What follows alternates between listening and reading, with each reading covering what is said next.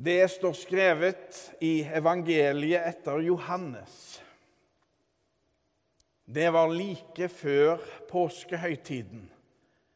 Og Jesus visste at hans time var kommet da han skulle gå bort fra denne verden og til sin far.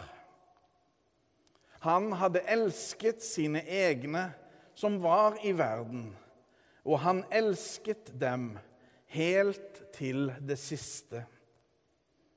De holdt måltid. Djevelen hadde alt gitt Judas, sønn av Simon Iskariot, den tanken i hjertet at han skulle forråde ham. Jesus visste at far hadde gitt alt i hans hånd, og at han var utgått fra Gud og gikk til Gud.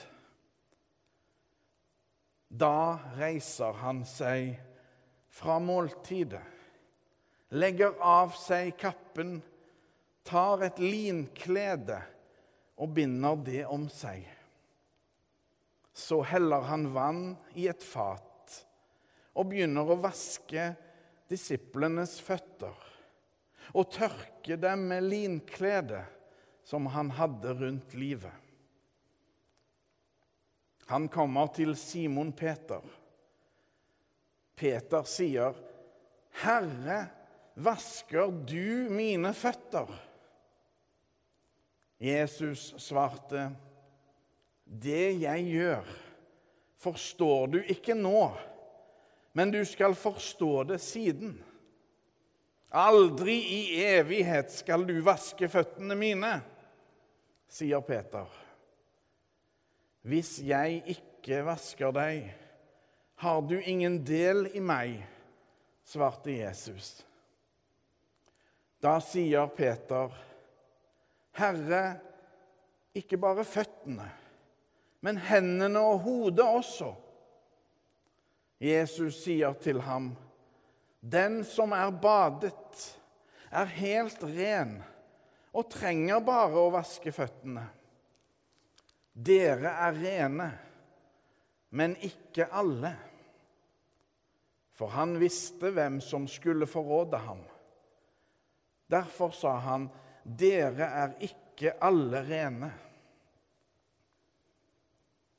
Da han hadde vasket føttene deres og tatt på seg kappen, tok han plass ved bordet igjen. Så sa han til dem, Forstår dere hva jeg har gjort for dere? Dere kaller meg mester og herre, og dere gjør det med rette, for jeg er det. Når jeg, som er Herren og Mesteren, har vasket deres føtter, da skylder også dere å vaske hverandres føtter. Jeg har gitt dere et forbilde. Slik jeg har gjort mot dere, skal også dere gjøre. Sannelig, sannelig, jeg sier dere, tjeneren er ikke større enn Herren sin, og utsendingen er ikke større enn Han som har sendt ham. Nå vet dere dette, og salige er dere, så sant dere også gjør det. Slik lyder det hellige evangelium. Dette som vi nå har lest, det er såkalt særstoff hos Johannes evangeliet. At Jesus vasker disiplene sine føtter. Fotvaskingen omtales altså kun i evangeliet etter Johannes mens innstiftelsen av nattverden derimot ikke er nevnt hos Johannes. Litt greit å vite. Så er det tøffe tider i Europa, med krig og ufattelige lidelser i Ukraina. Og nå tror jeg, jeg er ikke helt sikker, men jeg tror det er kommet flyktninger fra Ukraina og her til Lura. Jeg er ikke sikker som, sikker, som sagt, men jeg tror det. Og det vi leser, er levende ord. Det er som om Jesu uro blir enda tydeligere når vi befinner oss i ufredstider.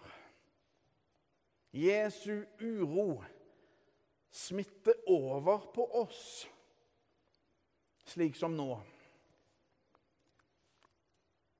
Og hvordan er det mulig at Judas kommer på den tanken å forråde Jesus? Hvordan er det mulig at Putin kan få seg til å angripe et naboland med svik og forferdelige ugjerninger som følge av det? Hvordan er det mulig? Evangelieteksten som jeg nettopp leste nå, den er tydelig. Det er ondskapen, djevelen, som står bak. Det finnes ei vonde makt som ikke vil oss vel i det hele tatt. Som ønsker å ødelegge oss. De er samla til påskemåltid torsdagen før påske. På mange måter er de en litt ynkelig forsamling, disse tolv. F.eks. Peter. Stor i ord, liten på jord. Han som skal komme til å fornekte sin herre og mester tre ganger. Thomas han som tvilte. Judas, svikeren. Vanlige mennesker, slik som oss. De er samla. Men bare Jesus vet hvor nær katastrofen faktisk er. Hvor nært det fatale påskedramaet faktisk er.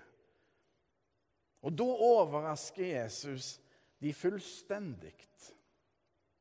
Han tar på seg rollen som tjener, som et konkret og tydelig forvarsel på det avgjørende frelsesverket han snart skal fullføre. Jesus, Mesteren, han viser for de alle at han ikke er kommet for å la seg tjene, men for å tjene. Jesus viser for all ettertid hva den nye pakten består i.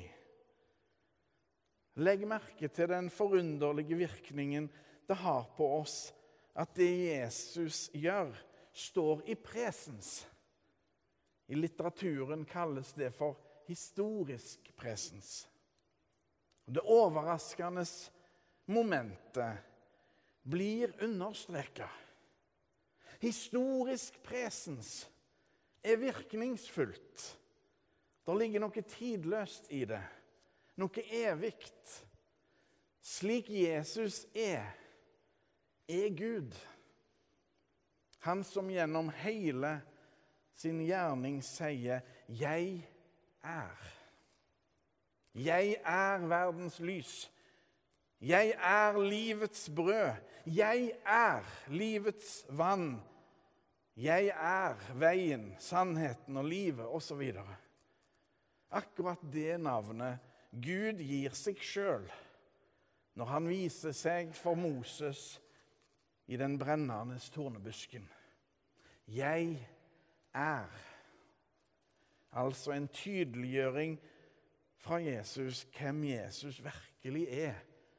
Guds sønn. Jeg er. Dødskreftene med sin ondskap vil bare ødelegge.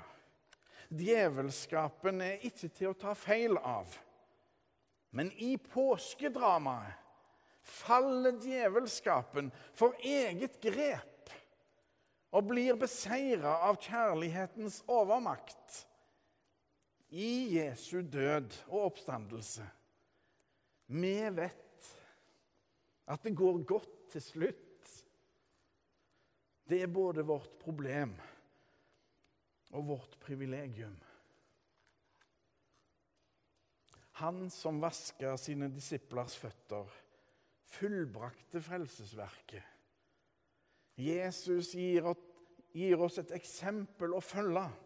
Jesus ber oss om å ta vare på hverandre, ta oss av hverandre, tjene hverandre, vaske hverandres føtter på alle vis, elske hverandre som søsken. Jesus Kristus kom for sjøl å tjene. Tjeneren Jesus er vår frelser, bror og redningsmann. Og han er vårt store, fullkomne forbilde. I 1995 skrev Edvard Hoem en nydelig påskesalme om dette. Han skriver, Edvard Hoem, Nå vasker han føttene deres og tørker dem varsomt med kledet.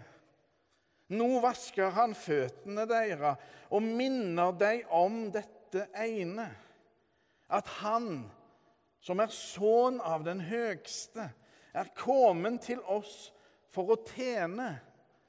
Nå vasker han føttene reine. Slik løfter han slaven til fridom. Han vasker bort støvet fra vegen. Den livslange, strevsame vegen skal ende hos Han i Guds rike. Og Han som er sønn av den høgste, han bøyer sitt hoved mot jorda. Og slik blir han menneskets like.